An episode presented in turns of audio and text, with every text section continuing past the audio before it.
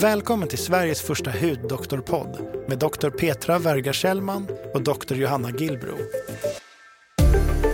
Johanna och Petra kommer hjälpa till att guida er genom allt som är värt att veta om vårt största organ, nämligen huden.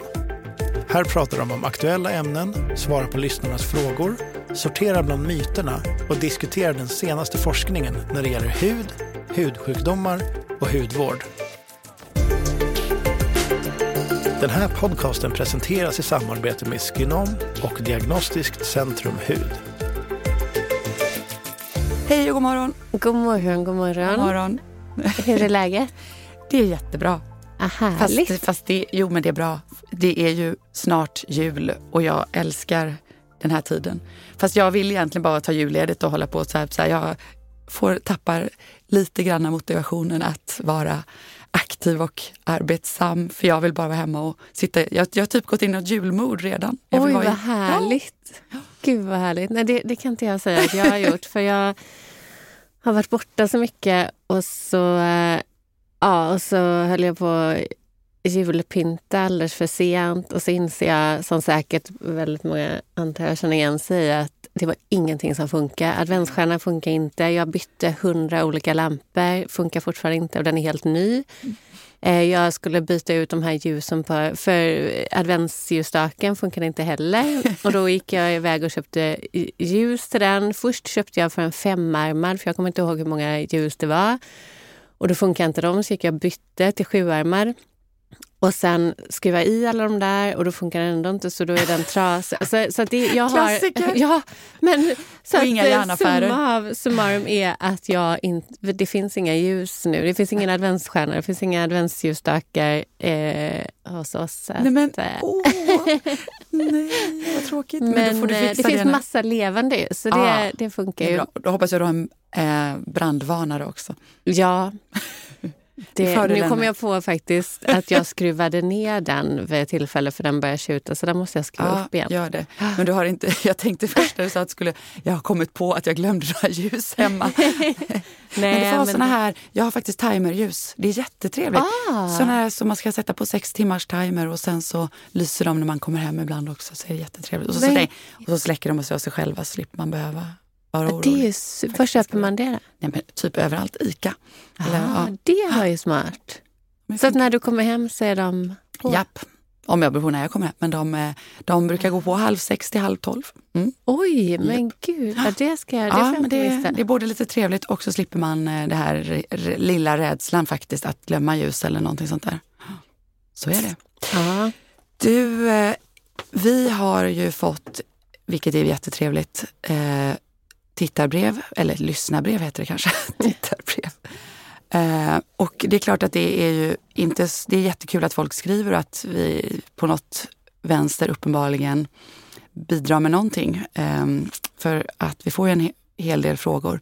Och jag tycker att vi fick ett brev här som visserligen var ledsamt att läsa för att eh, den här personen har ju väldigt mycket besvär. Men jag tycker att, att vi ska läsa upp det faktiskt. Mm. Och, eh, för jag tycker faktiskt att det här är ändå ganska, det, dels är det väl, väldigt, ja, men väldigt talande för, för faktiskt hur en hel del patienter ändå har det. Mm, mm. Och det handlar lite om det här med att ha en extremt känslig hud. ja. Och ehm, det kan vara väldigt, väldigt, väldigt plågsamt och hur man faktiskt bemöts kanske med oförståelse och, eh, och kanske blir liksom desperat till slut. Så, att, ehm, så vi har fått ett brev här från en kvinna. Så jag tycker, Johanna, Mm. visst du ser bra Du kan läsa upp det här. Det är långt, men jag tycker det är Ja. värt ändå. Jag tycker det är Ja. så... Ja, verkligen. Nej, men, hej Petra och Johanna. Tack för en jättebra podd. Förhoppningsvis har jag tack vare er podd hittat förklaringen slash diagnosen till mina hudproblem. Jag skriver nu till er för att berätta min story och höra om ni har några goda råd till mig. Vart vänder jag mig för att få hjälp? Vilka produkter kan ni rekommendera och vilka ämnen ska jag undvika? Jag är en 53-årig kvinna som lidit av hudproblem i ansikte och delvis hals och dekolletage sedan 2017. Det började med klåda, rodnad och små utslag på hals och bröst och jag smorde regelbundet med hydrokortison för att lindra klådan. I februari 2020 förvärrades mina problem markant. Jag fick en tilltagande hetta i ansiktet, en brinnande, kokande, stickande känsla. Jag trodde först att jag hade feber, men termometern visade aldrig över 37 grader. Det var som att huden blev överhettad trots att jag varken solat, bastat eller tränat. Det kokade helt enkelt i ansiktet. Jag vet inte hur många läkare jag besökt sedan dess, hur många prover jag tagit och vilka sjukdomar som jag utretts för. Men det knepiga är att ingen läkare har kunnat ställa någon diagnos. Alla provresultat har varit bra och vi har kunnat utesluta sjukdomar som Sjögrens syndrom, mastocytos, allergier, astma, covid, sköldkörtelsjukdomar med mera. Dock fick jag en fibromyalgidiagnos av en läkare. Jag har även varit hos en specialiserad hudläkare men hon var helt oförstående över mina symptom. I samma veva som jag blev dålig gick jag in i förklimakteriet, var 50 år. Dessutom drabbades världen av coronapandemin men jag fick inte covid, något som påverkade mig mycket psykiskt med stress, ensamhet, oro för mina gamla föräldrar och så vidare. Ja, det var väldigt mycket som hände det året. Nu har det gått snart tre år sedan jag kraschade. Jag är fortfarande inte bra, men flera av symptomen har blivit bättre. Däremot har mina hudproblem snarare förvärrats, vilket jag lider av dagligen. Jag har en nästintill kronisk brännande, stickande, kokande känsla i ansiktet. Ibland får jag utslag och klåda på bröstet. Ibland får jag flasher i ansiktet. Men ofta syns ingen rodnad. Det är den konstanta brännande och hettande känslan som finns i ansiktet som besvärar mig mest. Denna ständiga värmekänsla gör mig också extremt törstig och jag häller i mig litevis med vatten. Mina hudproblem påverkar min vardag väldigt mycket. När jag sitter framför datorn på jobbet tilltar hettan. Jag har sökt läkarhjälp för el och bildskärmsöverkänslighet men blivit i stort sett idiotförklarad. Oavsett vad jag lägger fram för teorier för läkarna så får jag bara svar att mina hudproblem beror på stress och ångest. Jag kan köpa det till viss del. Men jag menar att min stress och oro beror på att jag inte får någon hjälp eller någon förklaring. Ovissheten och känslan av att inte bli trodd leder till nedstämdhet och stress. Andra läkare har hänvisat till klimakteriet, vilket kan vara logiskt. Men jag äter östrogen sedan två år, så jag borde därmed inte vara så plågad av vallningar. Dessutom pågår väl inte en vallning i flera timmar hela dagar. Jag svettas heller ingenting, utan det är bara i ansiktet det hettar och bränner. Eftersom mina hudproblem pågår sedan 2017 men eskalerade 2020 så har jag lärt mig att se vissa mönster. Men det konstiga är att det inte finns någon riktig logik i hur huden beter sig. Det jag vet triggar igång och förvärrar hettan i ansiktet är bildskärmsarbete, värme, höga temperaturer, dålig ventilation, alkohol, starka kryddor, mögel, mögellukt, vissa kemikalier och förmodligen stress. Jag använder bara hudkrämer för känslig hud. Men ibland tror jag att även dessa kan trigga igång problemen. Jag blir varm och det sticker i huden. Ingen läkare har nämnt sensitive skin syndrome för mig, så jag har inte vetat om att det finns. Men när ni i er podd pratar om känslig hud så känner jag att allt stämmer in på mig. Kan det vara det som jag lider av? Min fråga nu är vad jag ska vända mig för en utredning. På den ort jag bor nu finns det inga hudspecialister.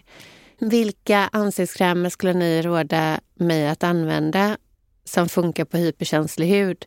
Vilka ämnen ska jag absolut undvika? Pågår någon forskning kring denna hudsjukdom? Går det att bota detta? Jag börjar bli desperat och funderar på hur jag ska leva mitt liv i denna ständiga hetta i ansiktet. Jag har svårt att vistas inomhus och mår helt enkelt klart bäst utomhus. Jag funderar på att skaffa en lägenhet med inglasad balkong och bo på den för att kyla ner huden. Jag har även funderat på att omskola mig då bildskärmsarbete börjar bli svårt att stå ut med. Jag är tacksam. Jag tar tacksam emot alla tips och tack än en gång för en superbra podd. Är det här du möter som, som hudläkare ofta eller hur skulle du? Ja, det här tycker jag var eh, väldigt, eh, jag ska säga en väldigt utförlig beskrivning och få med egentligen väldigt mycket av det som patienter, en hel del faktiskt, en hel del patienter faktiskt kan lida av.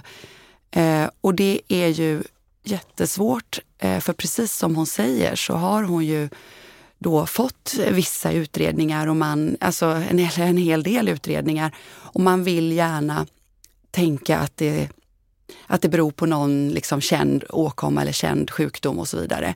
Men det är ju säkert både så positivt att det förstås inte är någon annan sjukdom, men frustrerande i det hela att man liksom inte får någon form av förklaring till sina besvär. Och det här, det här ja, jag möter det här eh, inte jätte, jätte, jätte ofta, men som man har så här uttalade besvär, men det händer då och då och det är inte ovanligt. Och att man har sökt många olika förklaringar och fått, det mycket kokar ner till det här med stress och, och, och så vidare. Och det, det är klart att stress är otvetydigt en faktor som kan provocera den här typen av besvär om man har dem i grunden. Eh, och, eh, men det är inte så enkelt att, för jag menar alla människor som stressar eller har hög stress och sånt får ju inte den här typen av besvär heller. Så att, men, men det som är, och som jag tycker, eh, som hon också skriver här, att fråga ju liksom, kan man få någon utredning eller så? Och det är där som är problemet. att jag tror att vi vet att det här finns och visst, det pågår lite forskning men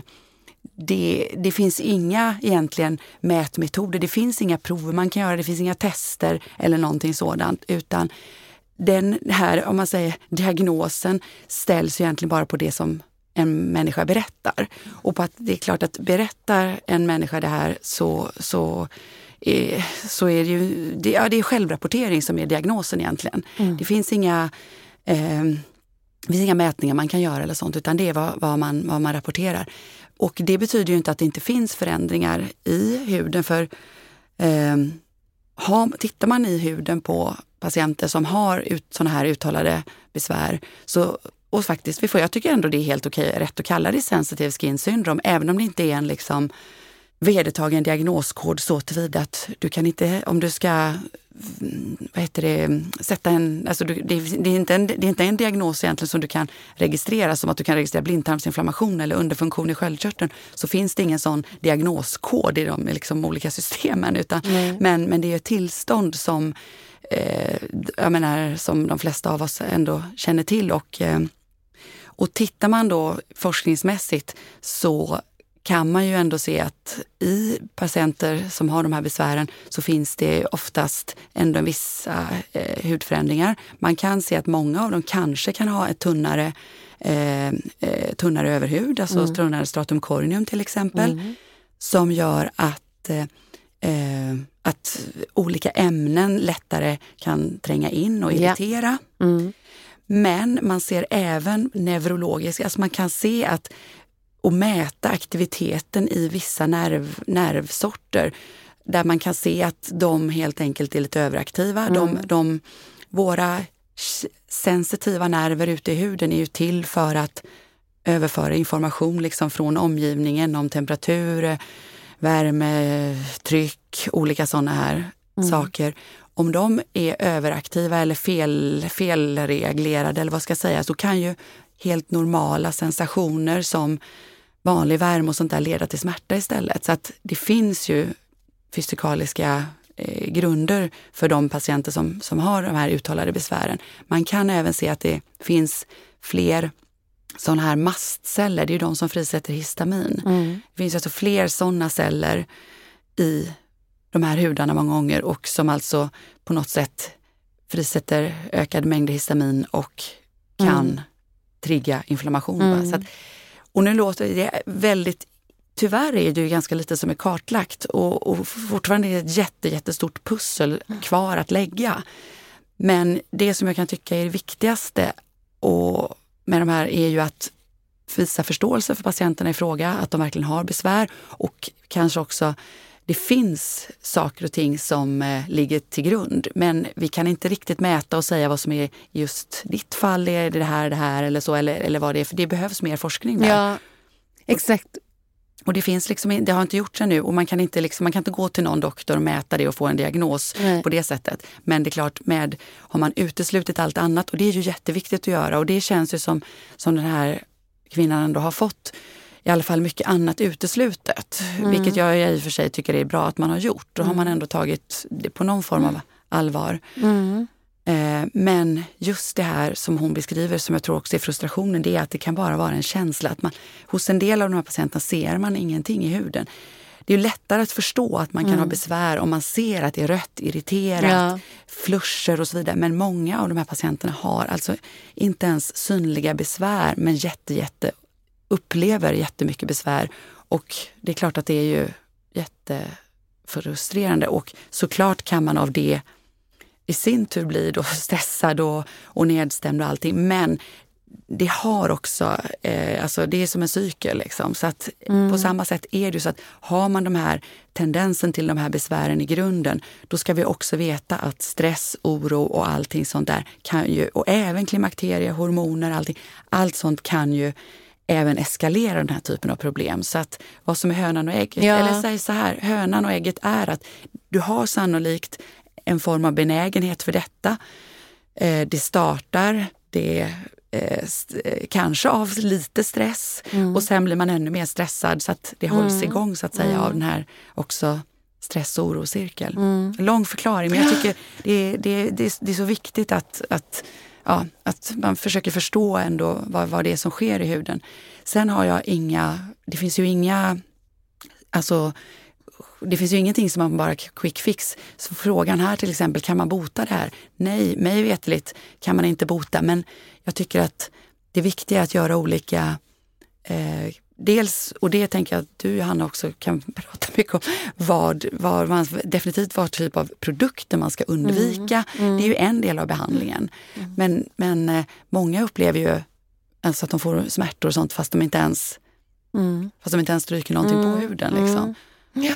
Och jag tänker så här att eh, för, för det här med känslig hud, speciellt hos kvinnor, det är ju verkligen ett extremt utbrett problem. Och jag tror att en, en faktor som faktiskt är intressant att prata om, det är också att det finns liksom ingen skala. Tittar man på andra hudsjukdomar så kan man ändå eh, Exakt. Ja, men, eh, definiera liksom ja. vad på den här skalan. Det finns kriterier. Det liksom. finns kriterier, ja. exakt. Här finns inga kriterier. Och, och det är tror jag faktiskt också ett problem för att 70% upp till 70 procent när man tittar i studier av europeiska kvinnor självrapporterar att de har en känslig hud. Exakt. Eh, och då antar jag att de här 70 procenten inte har de här markanta problemen som den här kvinnan beskriver. Nej, det är ju en liten, som tur är en liten ja. grupp. Men, men, men, men det, eh, så, att, så att jag kan förstå också vården i och med att många, i och med att man inte har liksom några kriterier så slänger man sig också med ord som känslig hud. Och kan man inte heller mäta det, då blir det också väldigt svårt att, att, eh, att bara bemöta vad en... Ja. Men eh, och det ger på något sätt också patienten inte någon form av legitimitet heller. Alltså det, att, eh, jag menar, ta, ta då någonting annat som eksem. Där kan vi gradera. Vi har, liksom, vi har lätt, vi har måttlig, ja. vi har svår. Vi har olika klassifikationssystem. Det, ja. finns, det finns system, liksom, du fyller i massa frågor och så vidare. för att eh, Och så får du en på något sätt ett kvitto på dina ja. besvär. Det får man inte här, vilket är tror jag absolut en av de mest frustrerande grejerna också det som man har sett hos de här patienterna, för, på tal om det här med formulär och sånt där, det finns ju någonting som är väldigt, vi ofta använder på våra patienter med kroniska andra sjukdomar. Det, är så här, det kallas DLQI, alltså en form av quality of life. Mm. Eh, och där har man ju såklart då sett att patienter med svåra eksem och psoriasis, så det behöver inte ens vara så himla svårt, att de såklart har en sänkt livskvalitet. Det har man däremot faktiskt studerat på den här gruppen patienter med sensitive skin syndrome. Som, eh, eh, och ju mer självrapporterade, ju ökade besvär, självklart, det, det, liksom, det låter ju, det, det, kan nästan förstås vem som helst räkna ut, så har ju de en sänkt quality of life. Men här har man i alla fall ändå på ett eller annat sätt objekt, gjort det objektivt. Faktiskt. Ja. Så, att, så det, det är ett viktigt tillstånd. Och om man tittar på beskrivningen här så, så, så är det ju väldigt svårt också med diagnostiseringen för det är mycket här som också talar för en rosacea med eh, flashing, med känslighet för alkohol, känslighet för kryddor och så vidare. Så att, Exakt. Och rosacea är ju också egentligen ett inflammatoriskt tillstånd i ja. huden. Där syns det ju mera dock. Ja. Där kan man ju se liksom. Och, och det som jag tänker, fast nu är jag lite, nu, nu är jag ute och sticker ut näsan igen för det här är ju inte, men jag tänker, jag har ju haft patienter med den här typen av besvär Mm. som egentligen inte har haft, eh, aldrig haft inflammatoriska synliga utslag. Vi brukar ju lära ut att till exempel då tetralysal som Mm. är ett antiinflammatoriskt antiinflammatoriskt preparat. Det är ju en sorts antibiotika. Men eh, dess, varför vi använder det på hudsjukdomar är ju för att det har en antiinflammatorisk effekt. Mm. Och jag har haft vissa patienter, fast där man har haft en mer besvär med hetta, brännande känsla, rodnad. Eh, som jag har tänkt att de kanske har den här telangiectatiska, den erytematösa rosacea. Mm. Så jag har prövat att ge eh, tetralysal till dem. Som, för att vad ska man, det finns Ja. inget annat att erbjuda. Nej. Och det har faktiskt funkat hos en Mm. del. Mm. Och jag, jag skulle, en, en sån här patient som här finns här, självklart måste man ju prata och det finns ju kanske andra saker att fråga om, men, men, eh, men jag skulle till exempel vilja göra ett, ett sådant försök. Ja, det, det är ju Men det sticker ut jätteintressant. näsan. Ja. Det är inte säkert att alla mina kollegor skulle tycka samma sak. Nej, men det, vi sticker ut hakan. Ja, näsan eller hakan. Just det. Hakan kanske. Ja. Men, men eh, ja, och det, en fråga som jag gärna skulle egentligen vilja veta eh, av den här kvinnan som skriver, det är ju hur hon har behandlat sin hud.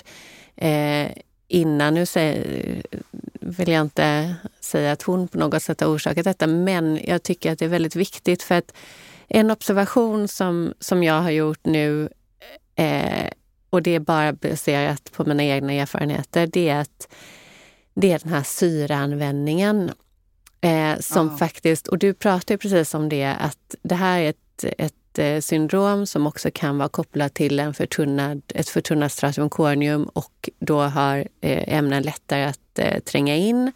Och vi har lättare att liksom aktivera våra nerver i huden.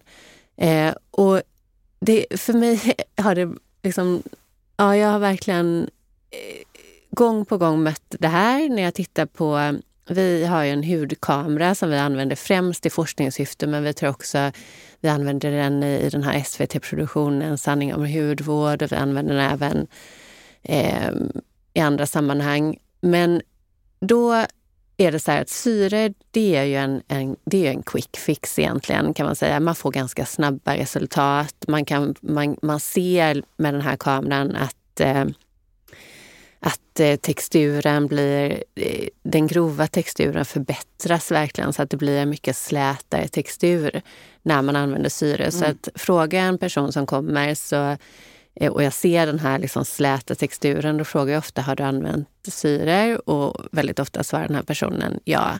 Och i parallellt med det, om en person har den här fina texturen, använt syre, så kan man ofta se och det ser man inte visuellt överhuvudtaget, men i kameran så ser man de här väldigt röda kinderna och gärna eh, ytliga blodkärl kopplat till det. Eh, och det, det är någonting som inte alls syns visuellt, utan man ser det Mhm. bara i kameran. Och det här tycker jag är väldigt intressant. Jag var, eh, i, nu är det måndag, men igår så, så jobbade jag faktiskt hela dagen och bland annat var med i en podd där på morgonen eh, där vi just pratade om detta. Att vad är det, vi, det här, den här enorma siffran 70 procent av kvinnor då, som rapporterar att man har en känslig hud. Hur mycket är det? Det finns ju ingen, liksom, inga siffror på prevalensen här. Vad, hur har det sett ut innan? Eh, har det ökat? Och vad har sättet vi behandlar vår hud på, hur har det påverkat den här siffran? Ja, det kan vi ju bara spekulera i, men om jag skulle få gissa i det så skulle jag ju definitivt tänka att jag menar, vi, vi håller ju på med vår hud som aldrig förr och eh, att eh, mängden människor med känslig hud på det sättet också säkert ökar. Liksom, det tror jag. För att Ja, det, det, det, det, det håller jag, jag, håller jag helt, helt med om. Liksom. Eh, och eh, så, men, men jag tänker att, eh, eh, att, ja, men att det finns Ja, att det är lite två olika saker, liksom, fast det, de hänger ihop på ett sätt. Men för jag tänker att någonting som, ett råd som jag i alla fall skulle ge till eh, speciellt unga kvinnor som, som jag möter ganska ofta, det är att, att vi vet, det är möjligt att de här eh, effekterna av syrorna, långsiktiga effekterna faktiskt blir att man inducerar en, en kronisk överkänslighet i huden. Och det finns inte några studier på detta, så det här är rena spekulationer. Men baserat på i alla fall mina erfarenheter så tror jag faktiskt att det kan ligga någonting i, i detta. Det här med en känslighet i, speciellt då som också hon beskriver, eh, i ansiktshuden. Tänker man på det så är det egentligen helt absurt att vi att 70 procent då, om det är så, om det faktiskt stämmer de här siffrorna som handlar om självrapportering, att man har en känslighet i ansiktet som innebär att du hela tiden, och det är ju, det är väldigt olika på den här skalan då, men att man upplever att man hela tiden har en förnimmelse av sin ansiktshud, att du på något sätt alltid känner av den. Det Exakt. är ju det som är en känslig hud mm, egentligen. Mm. Men det tror inte jag att alla de här som, 70 procenten som upplever sig ha en känslig hud, tror jag inte har alls, eller Nej. det vet vi ju, de har ju inte alls så här uttalade besvär heller. Utan, utan det kan vara att man tycker att ja, men jag tål inte det och det, jag har en känslig hud och att det blir, ja, så att, eh, ja, det kan vara så. väldigt, eh, väldigt eh, lågt. Eh, alltså att det inte är så mycket vardagliga problem också. Så att de patienterna skulle jag väl inte kalla, kanske tycka har har det här syndromet om vi nu, ja, om vi nu vill. Eller ja, jag menar det finns ju böcker utgivna på sensitive skin syndrom så jag tycker att vi får kalla det ett, ett syndrom. Ja. Mm. Men eh, eh, så att... Eh, men, men du nämnde där eh, tetralysal ja. som en en alternativ behandlingsmetod helt Skulle enkelt. vilja pröva det i alla fall om jag inte har någonting annat överhuvudtaget att erbjuda. Mm, mm. Och tänker man då på den allmänna behandlings, behandlingsråd för, mm. för hud, då skulle jag säga att eh, ja, men, definitivt att undvika syraprodukter om du har, om du har en, en känslig hud. Eller, och, och tänk också på, även om du inte har fått en känslig hud, tänk på att vara försiktig med syrorna för det är faktiskt någonting som jag tror kan inducera den här överkänsligheten i huden. Yes. Eh, och sen tänker man på då vad man ska... Här handlar det ju väldigt mycket om att undvika saker. Att ha en så minimalistisk hudvård som möjligt. Mm. Att inte övertvätta huden. Eh, vi ska inte lösa upp liksom våra fetter i huden som är där som en barriär. Vi ska ju ha en balanserad hudbarriär. Eh, så övertvätta inte huden. Tvätta så mm. lite som möjligt. Eh, och eh, Använd inte heller ämnen som, det finns en hel lista också i den här boken. Eh, vi kan ta en bild på, på det här men, men väldigt Det är så många saker man ska undvika så kommer aldrig få plats på en bild. Vi får ta många bilder. Ja. Men de, men de så kända sakerna som, man, som är allmänt vedertaget egentligen det är ju tvättämnen som SLS. Och SLS är ju väldigt intressant och vi har pratat om det. Det heter egentligen Sodium Laurate Sulfate, SLS. Så att ser man Sodium Laurate Sulfate på inklistan så är det någonting som man bör undvika. Och det gäller också andra tvättämnen, men, men det där är ju ett väldigt, eh, väldigt ytaktivt kraftfullt tvättämne.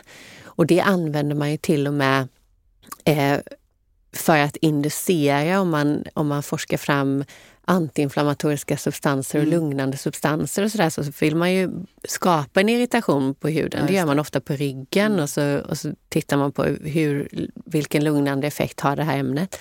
Då använder man SLS för mm. att skapa den här irritationen.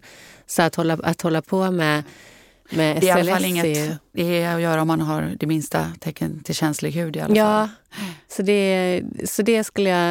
Eh, över, mm. Som sagt, övertvätta inte, använd inte kraftfulla tensider, alltså ytaktiva tvättämnen och, och däribland undvik definitivt SLS. Mm, mm. Eh, och sen är det ju eh, alla parfymämnen kan trigga en känslig Absolut. hud. Eh, och det gäller också då mer naturlig hudvård där man ofta har eteriska oljor. Nej, inga sådana. Inga botanicals and, inga botaniska uh, botaniska substanser. Nej, och undvik, jag skulle verkligen gå så långt att undvik all naturlig hudvård för att alla extrakt, botaniska extrakt och sådär, det innehåller ju eh, liksom en cocktail av ämnen som du inte har någon kontroll över. Och det kan jag verkligen säga att inte ens råvaru, eh, råvaruleverantörerna vet exakt vilken komposition de här extrakten är. Det kan vara tusentals molekyler som man inte har kontroll på. Så det där bör man absolut undvika. Så, så kontrollerad mm. hudvård som möjligt. Ja, och då kommer vi in på det här också som att, det, att så få ingredienser som möjligt ja. in. Och där är också vårt, vårt eller din också med, med det här med, med minimalistisk hudvård. Använd så lite som möjligt på mm. huden och välj de rätta eh, produkterna. Eh, så att kort, kort inkelista helt enkelt. Kort inkelista. Ja. Och sen tror jag ju på att använda det som huden redan är van vid. Alltså mm. huden, och det jag kommer tillbaka till det. Varje hudvårdsbolags dröm är att hitta den exakta kompositionen av vad huden faktiskt producerar själv på egen hand. Mm. Eh, vilka koncentrationer, i vilken komposition finns det i huden? Så att och då pratar vi de här ceramiderna? Ja, och, eh, precis. Så. så att eh, använd hudvård som innehåller eh, det som, de fetterna som, som huden faktiskt är van vid. Men hur som... vet man det som konsument? Då? Vad står ah. det någonstans? För, för, jag, menar, jag kan ju till exempel läsa här då och vet ju att eh, om man använder, eh, precis som du säger, hudvård där den här återfuktande då är uppbyggd precis av hudens då ceramiderna och och, eller fria fettsyror och allting i en så perfekt komposition. Då vet ju jag också att eh, då har man eh, eh, bett, alltså det har man ju sett i studier att om man då har till exempel en en, en hudbarriär som är lite skör och sätter man på de rätta fetterna då reparerar den sig jättemycket bättre. Och skulle man sätta på en, en kräm då med felaktig komponering, det kan vara samma innehåll men i olika proportioner, så kan man istället försämra liksom, reparationen av hudbarriär. Men hur fasiken ska jag som konsument veta mm. vad som är, mm. vilka, vilka proportioner tillverkaren har? Kan jag kolla det på något sätt? Nej, som konsument kan du faktiskt inte göra det. det eh, så därför är det lita ja. på tillverkaren. Men det som man kan hålla utkik efter i, fett, i fetter som, är, som huden är van vid, det är ju skval, skvalan eller skvalen. Skvalen, ja, samma ja. Skvalen är, är egentligen det som finns i huden men det är så ostabilt när man ah. har det i en kräm. Så ofta så har man gjort en liten förändring så att den blir mer stabil och då heter den skvalan. Ah. Eh, och sen är det ceramider då. Det finns ett, ett antal olika ceramider. Ceramid eh, 1, 2, 3, NP, ja, det, det finns eh, väldigt många. Men ceramider helt enkelt. Så står det ceramid på inkelistan så är det någonting som finns i huden. Kolesterol finns i huden och är jätteviktigt. Mm. Eh, där är håller man på nu. Det finns eh, liknande kolesterol som är vegetabiliskt men det riktiga kolesterolet tas ju fortfarande från fårull så att, eh, och extraheras från fårull. Så vill man ha helt veganska produkter då kan man inte välja eh, en hudkräm med riktigt kolesterol. Mm.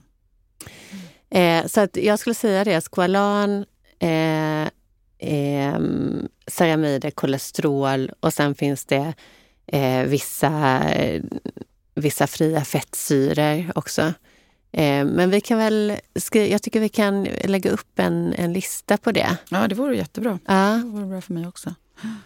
Ja, nej men så, så att om man kan säga så här, det som man kan göra själv då när det gäller allt från liksom vanlig känslig hy, men även kanske ännu viktigare om man har så här extremt eh, känslig hy, som den här patienten säger, den här kvinnan och eh, många, finns flera, många andra som har samma besvär, så är ju en del då helt enkelt att, att givetvis som alltid då undvika försämrande faktorer.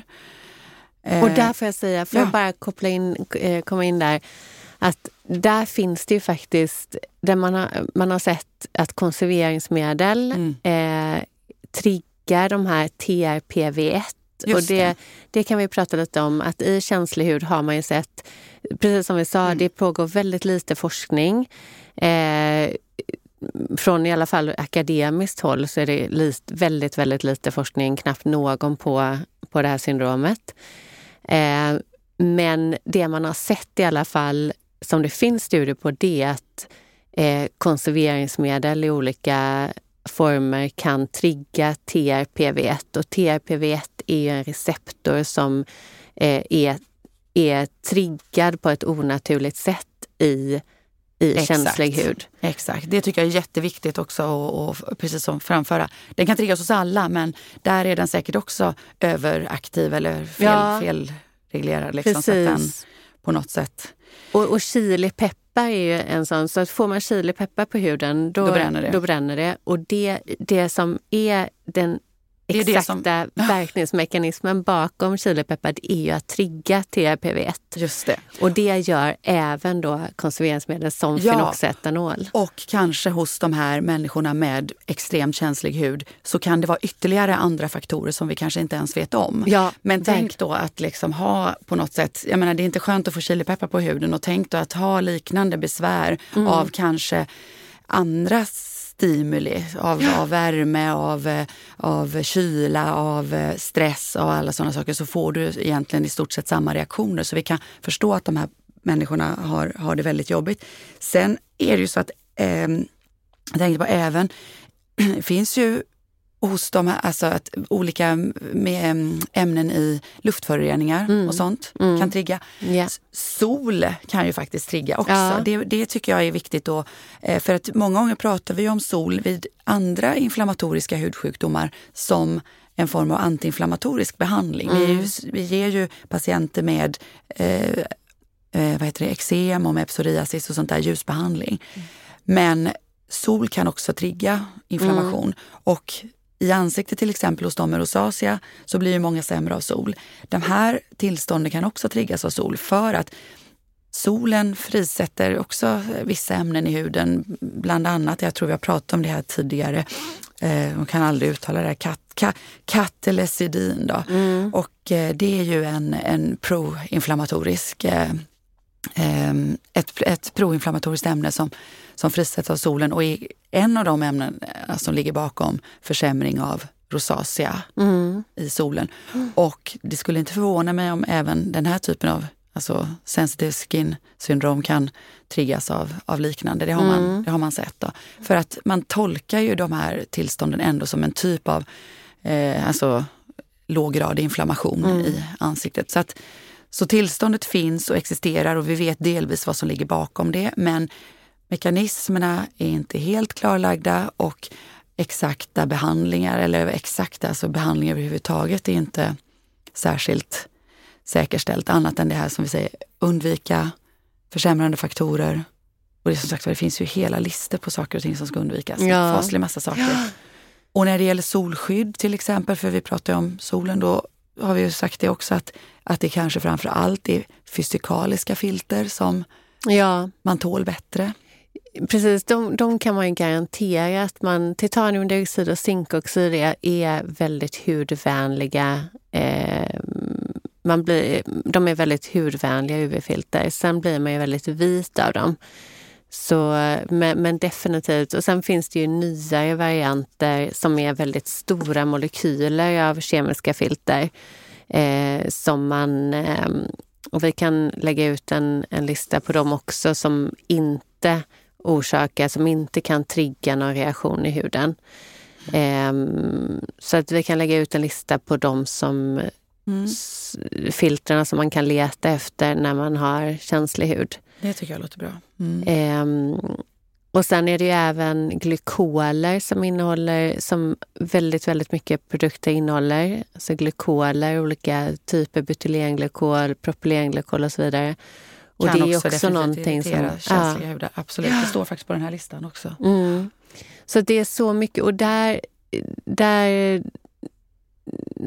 på något sätt kommer vi tillbaka till det här eftersom listan är väldigt lång och det är väldigt individuellt så mm. det går ju inte att säga att eh, vad som är alltid hos den e-, enskilda individen utan man kan bara, utan det är viss del är ju det här trial and error också. Man får mm. som patient eller med de här besvären pröva sig fram en hel del och det är ju trögt, det är kostsamt, det är alltid. Viktigt är till exempel också att kanske bara eh, förutom då återigen just med tanke på att listan är så lång, så återigen minimalistisk hudvård, så lite produkter som möjligt. Men Och att man också kanske introducerar saker och ting en och en. Mm. Så att man inte köper kanske tre olika nya krämer och börjar använda dem ja, nej, lite exakt. huller om buller. Utan man använder en kanske två veckor innan man överhuvudtaget mm. utvärderar den och då tar man ingenting annat under tiden. För nej, att då precis. vet man kanske om det är den man tål eller inte. Ja. Så det kan ju också vara bra, bra tips. Ja. Och, och eh, jag tänker det, det pågår en del studier på antihistaminer, alltså att, att eh, applicera antihistaminer på huden när man har eh, känslig hud. Har du behandlat patienter med Nej, antihistaminer? vet du, jag tänker lite åt det hållet också. Eh, eftersom man, eh, det är intressant att du tar upp det, men spontant tänker jag bara att då kan man ju lika gärna äta antihistaminer. Ja. För att de är ju väldigt, antihist, äta antihistaminer, det är alltså vanliga allergitabletter. Mm. De är ju väldigt snälla. Det kanske kan ha alltså någon lit, liten effekt i och för sig. Det, det borde ju funka på det teoretiska planet eftersom vi vet att den här inflammationen bland annat inbegriper då ökad mängd mastceller mm. som ju frisätter histamin. Så att rent teoretiskt så är det någonting jag definitivt skulle kunna eh, tänka mig att pröva.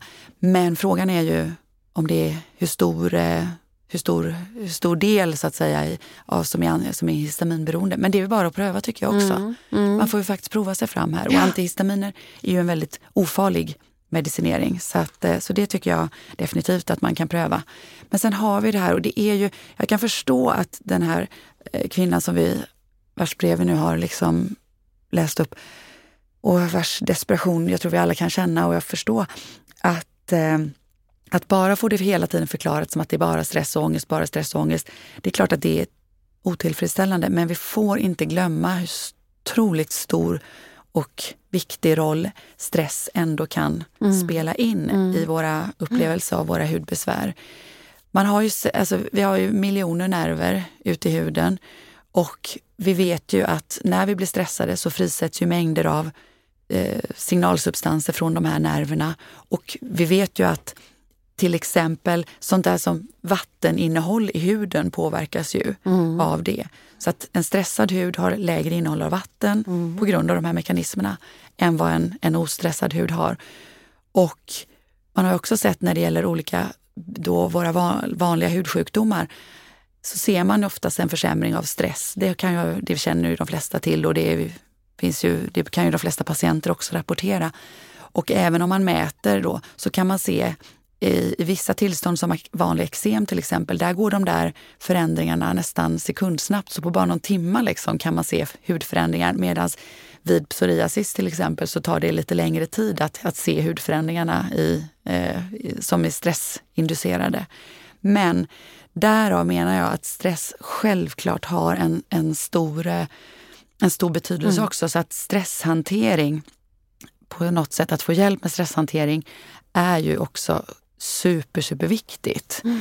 Men självklart så är det klart att även om det någon gång första gången triggades av stress eller så, så om det då fortgår och man inte får någon bukt med det och man, hudbesvären bara blir värre och värre, då blir det bara mer och mer stress och mer och mer hudbesvär. Så då har vi den här onda cirkeln också mm. som jag nämnde tidigare. Så att, men men eh, givetvis måste vi... För hon som skriver eh, mejlet här, hon upplever ju att det blir menar, hon upplever ju att, att det blir förvärrat när hon sitter framför en, en dataskärm eller bildskärm. Och hon funderar som hon beskriver till och med på att byta jobb på grund av ja, det här. Exakt, jo. Och det är ju liksom stora ingrepp i ens vardag. Nej men jag tror att eh, Alltså rent fysikaliskt vad bildskärmar bidrar med är jag inte så bra på men jag tänker rent allmänt att det kan ju vara också jobbmiljön, att man kanske är stressad när man sitter framför bildskärm. Ehm, man kan, det kan vara en torrare miljö där. Det är lite svårt, jag kan inte riktigt eh, eh, svara på det. Jag tror inte heller alltså, att det finns inga egentliga klarlagda samband mellan just att bildskärmsarbete skulle vara negativt annat än kanske just, just det som jag säger. Liksom. Mm. Så att, eh, det, jag, tycker det, jag tycker det är svår, svårvärderat. Jag hoppas att den personen kan få hjälp på annat sätt och inte ska behöva liksom, omskola sig och byta jobb för Nej, detta. Och jag tror, alltså min... Eh, det där är intressant. Vad, vad är det som händer om man skulle sitta bara i, i ett rum inomhusklimat utan skärmen. För ofta, är det ju, ofta sitter man ju faktiskt då framför en skärm när man sitter ner. Ja, och inomhus så, och det kan ja, vara annat så jag i tror miljön. att det, och- att det är det istället för själva bildskärmen. Precis. Och sen det här också med sjuka hus. Allting. Ja, det, är ju, det är ju samma där. Många med den här känsliga hudtypen har ju besvär vid olika upplevelser av både cigarettrök, av, av eh, ja, upplevd mögel och så vidare. Så att, men vad som exakt triggar eh, Mm. i det hela är också, det, det, det det är svårt att säga utan det här blir mer bara att det finns samband. Många människor rapporterar samma sak i alla fall. Mm. Så att, eh, men om vi ska, jag tänker for- forskning, några andra saker som ju finns då, om vi återgår till den här ändå receptorn som jag på ett sätt tror inte är helt ocentral eh, den, i, i de här, bland de här besvären, här TPVR1-receptorn, eh, att eh, det finns ju vissa molekyler som man har då, som så här, forskat fram då, som eh, skulle kunna blockera den här receptorn. Då, då. Och, eh, jag vet inte riktigt, jag försökte hitta, jag har ju läst om den tidigare som sagt var i, eh, i eh, man säger forskningssammanhang då, det här konstiga, långa, långa konstiga namnet trans 4 tert butylcyklohexanol. Väldigt långt och krångligt. Eh, men eh, det är ju inte någonting som finns i någon form av eh, läkemedel eller något sådant i alla fall. Men det finns ju i viss hudvård har jag förstått. Ja, precis. Eh, så det går också under ett, ett annat namn som kalm, kalmosensin. Sen finns det ett annat ämne också som eh, kan då minska aktiviteten på, eller hämma då TRPV1 och det är en, en peptid, en neuropeptid. Eh, och vi kan lägga ut de två namnen också. Men sen Är det den som heter Liko... Jag kan inte ens uttala det. Likorchalson? Nej, nej, det är inte den. Det, det är också, den listan som du har där är andra lugnande substanser. Så, och det finns ju lugnande substanser som man kan leta efter i, eh, i hudvård och det är ju eh, som används i eh, hudvård för känslig hud och det är Bisabolol exempelvis, Salantoin. ehm, och det finns ett nytt intressant ämne som vi tittar på nu som heter atofylin eh, som också är, är en ny lugnande substans. Ehm, så att det, det finns en del att, att eh, det finns en del som, som kommer komma nu eh, när nyheter när det gäller lugnande substanser. Eh, det tror jag man kan säga. Mm, mm, spännande. Nej, men för det skulle ju kunna vara ändå det att ett, ett sätt att liksom komma åt de här besvären är ju om man då kan säga, blockera den här kanske överaktiva receptorn som säkert ligger bakom besvären hos en del patienter. Men man har också sett att det finns en eh, hos många av de här individerna också en låggradig inflammation och det var den jag nämnde tidigare lite grann att man skulle försöka blockera till exempel med tetralysal. Eh, och då finns det ju rapporter och faktiskt studier där man har gjort samma försök med, jag blir lite förvånad, med något som heter LED, alltså, eller egentligen handelsnamnet, själva ämnet heter Pimecrolimus. Men det finns i en eh, det är receptbelagd medicin som heter LEDL som används för eksem framförallt. och det är ett sånt, sånt här kortisonfritt alternativ till eksem, bland annat i ansiktet. Det intressanta är bara att eh, just den krämen vet, har vi ju erfarenhet av att den ibland kan svida och irritera när man eh, ska förskriva den till patienter. Så att eh, jag skulle, vara, jag skulle vara, känna mig lite orolig att ge det till någon som redan har en, en het brännande känsla i ansiktet. Men eh, faktum är att den, man har då sett att 1 i sån här Pimicrolimus salva faktiskt på sikt då har kunnat eh, lugna ner eh, de här typen av besvär. Och jag antar att det beror på att man då helt enkelt att den har en antiinflammatorisk effekt. Så den kan säkert trigga och irritera i början men på sikt då så kan man kanske få det här inflammatoriska att, att lugna ner sig. Mm, mm. Så det är också ett alternativ. Ja, det blir lite spretigt här idag men det är ju så att vi vet ju inte så mycket och det, det, Eller ja, vi, ja, alltså vi vet ju ganska mycket ändå, men vi vet ju, det är ju inte så att, eh, att det är bara helt straight forward det här att det går bara att diagnostisera och man får en behandling eller blir av med det, utan då, det hade varit fantastiskt. Men, men eh, vi vet en del, men pusslet på något sätt måste fortsätta läggas. Ja, och, och vi kan ju bara sammanfatta det som vi har diskuterat och ändå kommit fram till idag, i dagens avsnitt. Och eh, tittar man då bara på hudvård så är ett starkt råd att eh, även om du inte lider av det här, även om du inte lider av känslig hud, var försiktig med för mycket syraanvändning för att det tunnar ut statium corneum och det kan faktiskt i långa loppet orsaka en överkänslighet i huden. Orsaka en känslig hud. Eh, har man väl en känslig hud och känner igen sig i den här symptombeskrivningen eh, som vi har pratat om, då gäller det att vara så försiktig som möjligt vad du applicerar på huden. Och då är det långa undvika-listor. Så välj verkligen med omsorg vad du applicerar på huden. Eh, vi har pratat om hudegna fetter fetter, alltså att verkligen ta hand om hudens barriär med de fetterna som huden är van vid. Vi har nämnt kolesterol, ceramider, squalan. Eh, undvik allt som handlar om naturlig hudvård, botaniska extrakt och så vidare.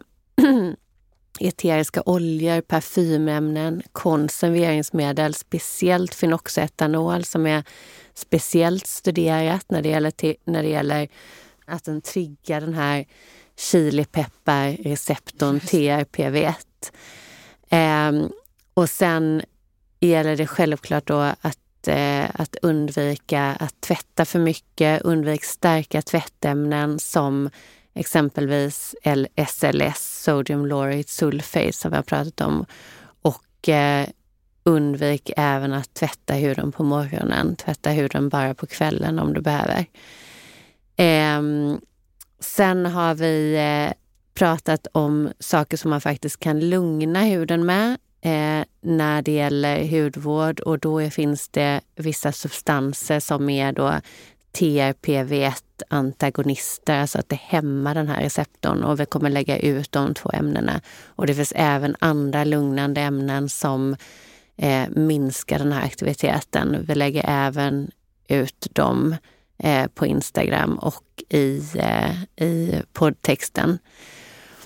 Och sen har vi då pratat om andra behandlingsalternativ och där har vi nämnt tetralysal. Och det här är ju egentligen, jag får ju säga att det inte är några vedertagna, vedertagna behandlingsmetoder, för det finns inte. Men eftersom det inte finns några behandlingsmetoder så är det ett, eh, några saker jag skulle kunna tänka mig att, att pröva på patienter som inte blir som inte får någon, liksom, blir, som inte blir något bättre av alla de här andra mm. eh, sym, eh, tilltagen som du faktiskt så väldigt strukturerat och proffsigt utan manus har gått, har gått igenom. Så att eh, så för dem skulle jag, ja, jag skulle kunna tänka mig att, att, att pröva då att försöka dämpa eh, den här då neurogena mm. eh, hudinflammationen. Som antagligen är så låggradig att den inte går att mäta eller någonting men, men att den ändå finns där och ger ger besvär helt enkelt. Mm. Jag skulle kunna pröva antihistaminer. Jag skulle kunna pröva tetralysal. Jag skulle kunna pröva eh, den här Pimecrolimus-salvan till exempel. Det här är recept. Ja, alltså antihistaminer är inte receptbelagt, men övrigt är det. Så att det finns ju olika saker man ska göra. Och sen också be patienterna, förutom att eh, tänka över det här, att eftersom det ändå, vi vet att stress ändå är en kraftfull trigger, så försöka få hjälp med stresshantering och sånt också. Mm. För att det kan trigga och att ha sådana här tillstånd är såklart stressande i sig som ytterligare spär på och gör att man behöver få hjälp med detta tycker jag. Mm. Att, ja, vi kanske har tömt ut det här ämnet. Ja, jag tror att det här är ett, vi har ju redan pratat om, om känslig hud vid ett jag tror flera stycken poddavsnitt, men jag tror att det här, det här är någonting som så många lider av. Så att vi kommer ta upp det här ämnet hur fort det finns nya forskningsstudier på området Absolut. och hur fort det kommer något nytt. För att det är precis som som vi tog upp i det här mejlet, det, det kan verkligen, verkligen vara ett otroligt stort problem. Och när man tänker man sig själv in i situationen att hela tiden känna av liksom sin ansiktshud. Mm. Det är... Väldigt frustrerande. Ja. Och man ska inte behöva flytta ut på balkongen. Även om jag verkligen kan förstå att den, man har den känslan. Liksom. Jag har patient som säger att de vill ha isbitar liksom, mot kinderna eller, för, eller Ja. fläktar och sånt. Men det... Mm. Ja, hoppas att, eh, hoppas att, ja, att, att de flesta kanske har fått någonting att ta med sig härifrån och, eh, och att vi, som sagt vad vi bevakar omvärlden och eh, dyker upp nytt så kommer vi att meddela det. Men att här finns ändå en lite, lite saker att göra. Absolut. Framförallt en förståelse för att de här besvären faktiskt är verkliga. Ja, verkligen. Tjoho! Det var, då var vi klara för idag. Ja, eh, ja men eh, ha en jättefin dag Petra och alla andra som har Ja. lyssnat. Och stort tack för att ni väljer att eh, lägga er tid på att lyssna på vår podd. Det är vi väldigt tacksamma för. Och ställa frågor till oss. Ja, och fortsätt med Gärna det. Eh, det är hudoktorerna.gmail.com eh, så tar vi absolut upp eh, de här mejlen. Ha en bra vecka. Tack. Tack. Hej.